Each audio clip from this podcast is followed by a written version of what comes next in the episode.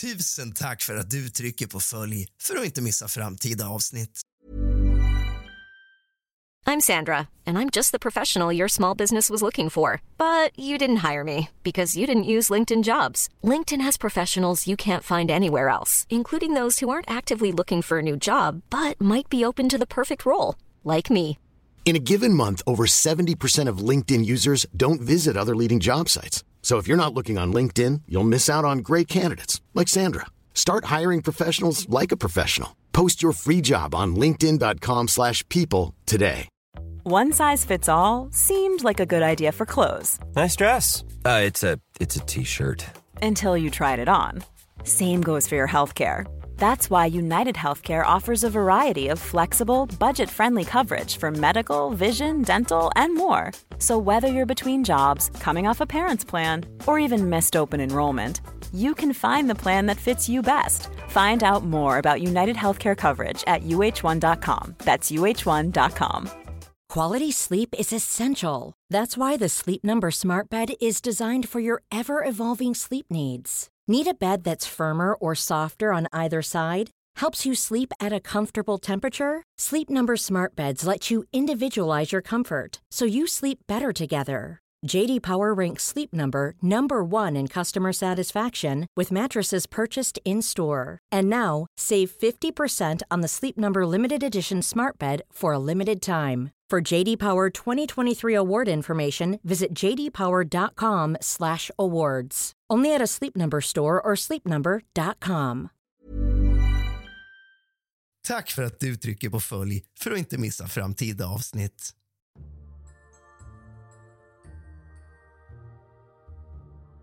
God afton din lilla fegis och hoppas att du har det mysigt i stormvädret.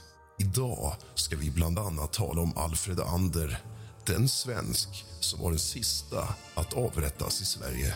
Så hämta lite sällskap din fegis.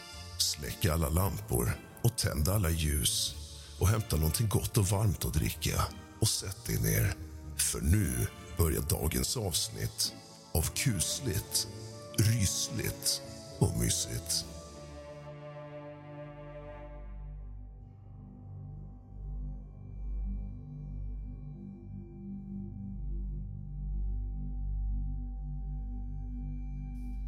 Läser på Wikipedia.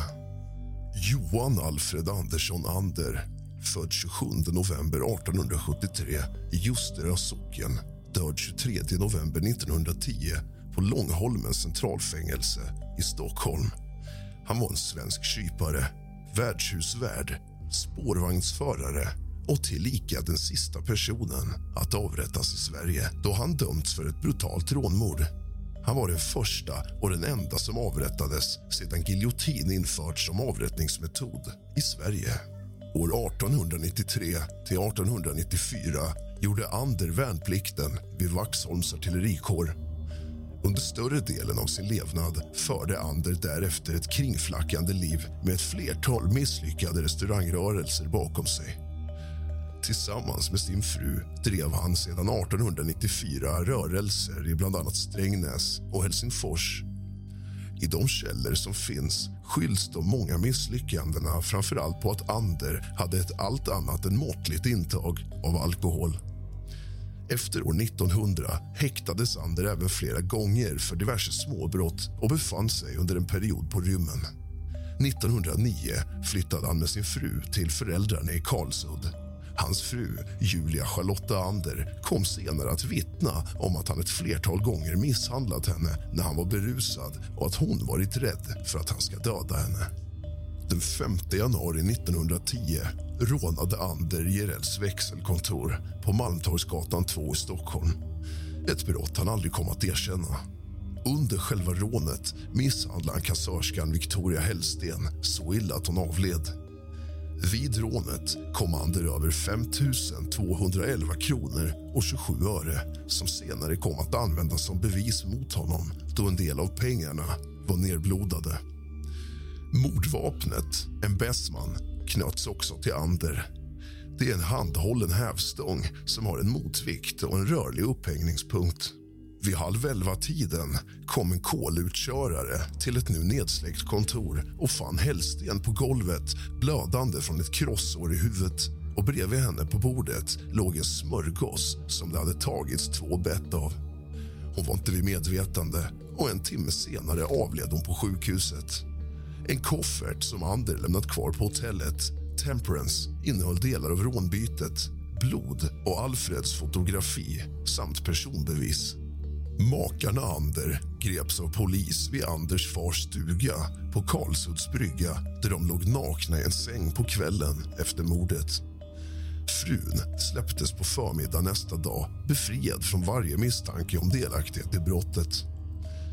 Den 14 maj 1910 dömdes Ander till döden för begånget brott och tredje resans stöld. En dom som han överklagade i alla instanser. Samtliga instanser upp till Högsta domstolen gav dock Ander ett avslag på överklagan och avrättningsdatumet fastställdes till den 23 november 1910 klockan åtta på morgonen. Han blev den sista människan att avrättas i Sverige då dödsdom verkställdes av skarprättare Anders Gustav Dahlman klockan 08.06 med hjälp av den fallbila giljotin som införskaffats 1903 från Frankrike för 3 586 frank. Giljotinen var 4,42 meter hög och 2,38 meter bred.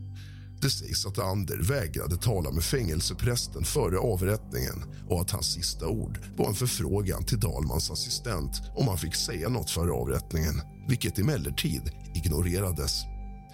Giljotinen fungerade som väntat och sen halshuggningen genomförts överlämnades Anders kropp till läkare som kunde konstatera att han lidit av tuberkulos och att han före avrättningen svalt en större porslinsskärva troligen i ett självmordsförsök.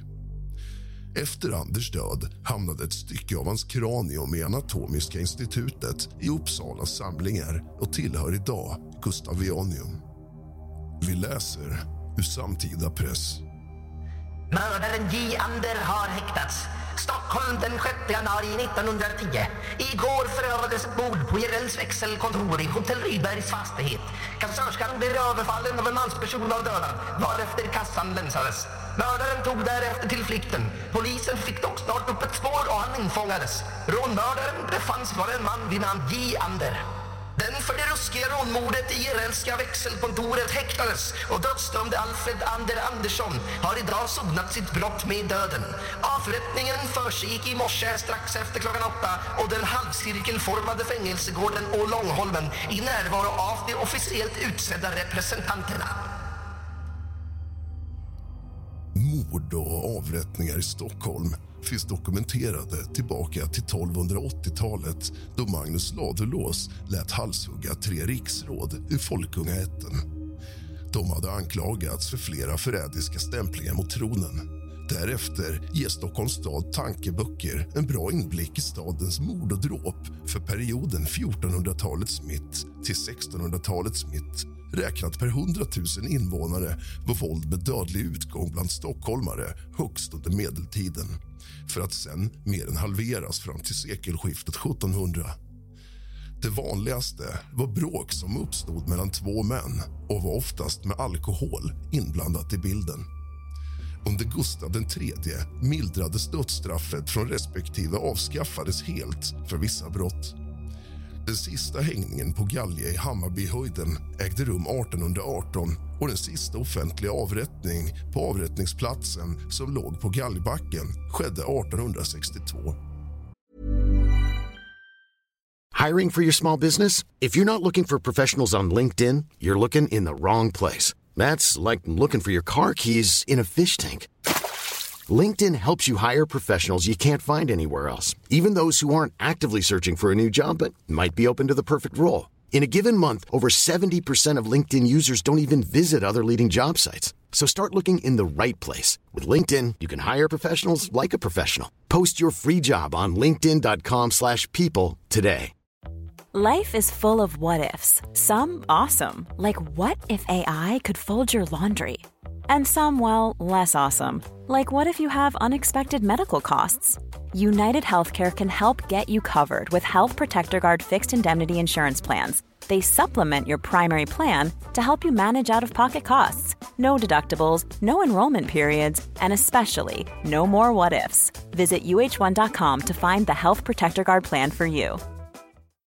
Millions of people have lost weight with personalized plans from Noom, like Evan, who can't stand salads and still lost 50 pounds. Salads, generally, for most people, are the easy button, right? For me, that wasn't an option. I never really was a salad guy. That's just not who I am. But Noom worked for me. Get your personalized plan today at Noom.com. Real Noom user compensated to provide their story. In four weeks, the typical Noom user can expect to lose one to two pounds per week. Individual results may vary. Sverige och Stockholms sista avrättning ägde rum den 23 november 1910 då rånmördaren Alfred Ander, som vi precis talade om, halshöggs i giljotin. Stockholm har upplevt en rad politiska mord. Det största är Stockholms blodbad som ägde rum den 7 november till 9 november 1520. I regel ville makthavarna bli av med en eller flera obekväma konkurrenter eller bestraffa en kritiker. Två uppmärksammade mord på politiker överskuggar allt annat under senare delen av 1900-talet och 2000-talets början.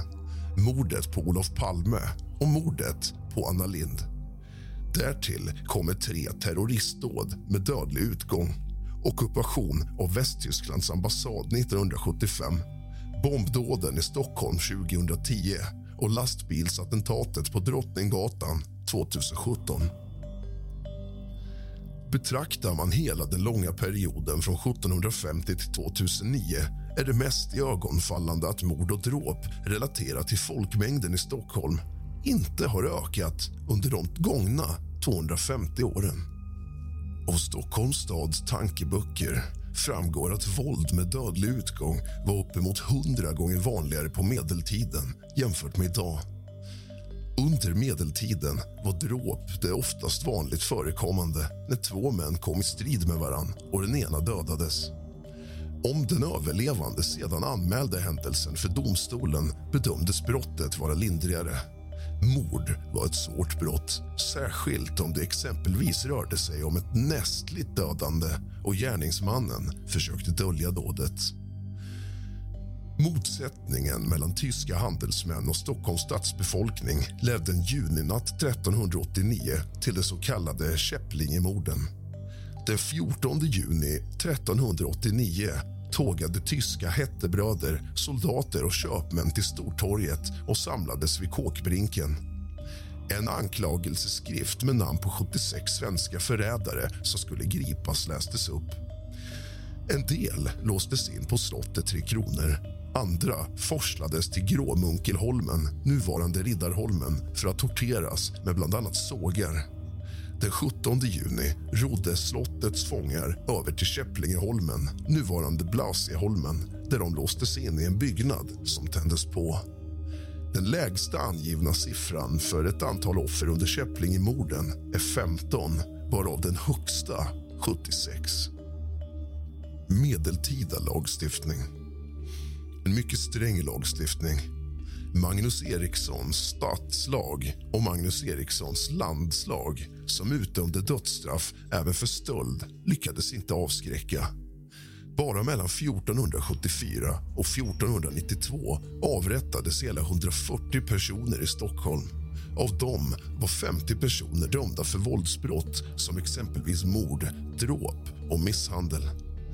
Medan 90 huvudsakligen var tjuvar och rånare Magnus Erikssons landslag Tjuvabalken inledd med bild på hängning och text på banden intill förklarar att man ska aga sina barn så att de inte hamnar på galgen. Ett människoliv var inte mycket värt på medeltiden. Om man idag haft samma stränga straffpåföljder som på 1400-talet skulle cirka 1560 personer ha avrättats årligen. Det vill säga fyra varje dag. Den vanligaste orsaken till att någon dödades var bråk som uppstod mellan två män där alkoholhaltiga drycker var inblandade. Det mest frekventa mordvapnet var kniv som nästan varenda man bar med sig. Mindre vanliga tillhyggen var vedträn, ölkrus, yxor, hammare eller möblemang. Att såra varandras heder kunde också vara en anledning till bråk med dödlig utgång. Så mycket som en tredjedel av alla mord och dråp under 1500-talet berodde på en konflikt om heder och ära. Ibland utlöste en bagatell ett mord. Den 9 juni 1589 anklagades knekten Anders för mordet på drängen Bengt Persson. De hade kastat pil och Anders missade piltavlan varpå Bengt hånar honom genom visslingar. Det räckte för Anders att dra sin kniv och sticka den i huvudet på Bengt så att kniven gick ut i strupen. Domstolen ansåg att ett mord för en så ringa orsak inte kunde accepteras och dömde Anders till döden. Några av rådhusrättens domar är idag svåra att förstå. De dråp eller mord inte alltid straffades med döden och ibland verkade domen högst godtycklig. Som framgår av Stockholms tänkeböcker anklagades skinnaren Henrik den 18 juni 1492 för dråp. Han hade dödat sin dräng men det framkom att drängen hade en lönnig avund till Henrik som därför blev frikänd. Den 17 december 1498 anklagades Claes Larsson från Utsunda by för mord. Han dömdes till döden efter nämnden som skulle avgöra om han var skyldig eller inte kunde se i hans ögon att han var skyldig till brottet. Under 1600-talet var dråp och mord fortfarande den vanligaste anledningen till att bli dömd till döden. Det hände även att den ena böden avrättade den andra. Bland räkenskaper för Stockholms stad för år 1615 framgår bland annat hur vissa ersättningar bokfördes. Man vet att böden Mikael Reiser, kallad Mäster Mikael avrättades den 20 mars 1650 av sin egen efterträdare. Mäster Mikael utövade sitt hantverk på Södermalms Galgberg från 1635 till sin död. År 1650 mördade Mikael en vän, Povel Andersson. De hade bråkat om en gammal ölskuld och Mikael påstod att Povel sprungit på hans svärd av misstag. Det trodde inte rätten på. Mikael Reiser dömdes mot sitt nekande till döden och halshuggs av den nya böden i stan. En del av Fjällgatan på Södermalm döptes 1939 till Mäster Mikaels gata. Reiser bodde själv i kvarteret Mäster Mikael som ligger intill Mäster Mikaels gata 4-6. Den välkända skalden Lasse Lucidor, även kallad den olycklige hette egentligen Lars Johansson och var bara 36 år gammal när han under ett handgemäng på kvällen den 12 augusti 1674 blev genomstungen med värja av löjtnanten Arvid Christian Storm. Händelsen ägde rum i källaren Fimmelstång vid nuvarande Kindsugatan 14 i Gamla stan. Som vanligt var bråk om bagateller och alkohol anledningen till den beväpnade strid som senare skulle kallas duell. Lucidor hade trätit med värden över denne som inte ville skänka ut mera vin varvid allmän tumult uppstod som Storm ville avstyra. Lucidor tog då fram sin värja och rispade Storms hand varpå denna drog sin Hey, folks, I'm Mark Marin from the WTF Podcast, and this episode is brought to you by Kleenex Ultra Soft Tissues, your ally to help tackle your allergy symptoms this season. I love the change of seasons, but nobody loves pollen and all those other things floating in the air that make you sneeze during this nice weather. Kleenex Ultra Soft Tissues are hypoallergenic and allergist approved, so fight back against watery eyes and runny noses without worrying about irritating your skin. For this allergy season, grab Kleenex and face allergies head on. Planning for your next trip? Elevate your travel style with Quince. Quince has all the jet setting essentials you'll want for your next getaway, like European linen, premium luggage options, buttery soft Italian leather bags, and so much more. And is all priced at 50 to 80% less than similar brands. Plus, Quince only works with factories that use safe and ethical manufacturing practices. Pack your bags with high-quality essentials you'll be wearing for vacations to come with Quince. Go to quince.com slash pack for free shipping and 365-day returns. Som på något oklart sätt hamnade i Lucidor. Enligt ett vittne kan Lars till äventyrs ha ränt själv på en deras värja. Lucidor begravdes i en omärkt fattiggrav i norra änden av Maria Magdalena kyrkogård vilket schaktades bort när Hornsgatan breddades 1901.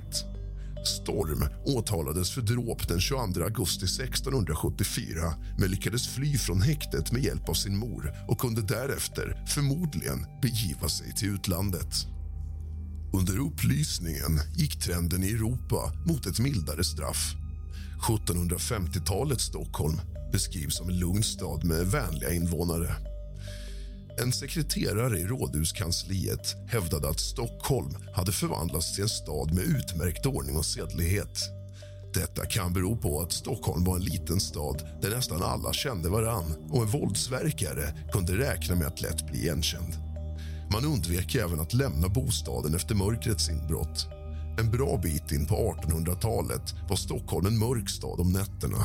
Att lysa upp gatorna var i stort sett en privatsak.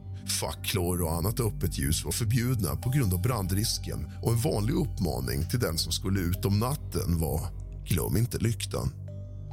Stockholm förfogade även över en effektiv vaktstyrka som 1720 bestod av 148 vakter.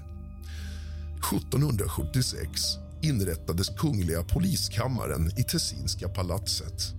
Poliskammaren hade till uppgift att överståthållarens uppsikt utfärda alla förordningar och lagar som avsåg allmän ordning samt även döma i mål rörande mindre förseelser.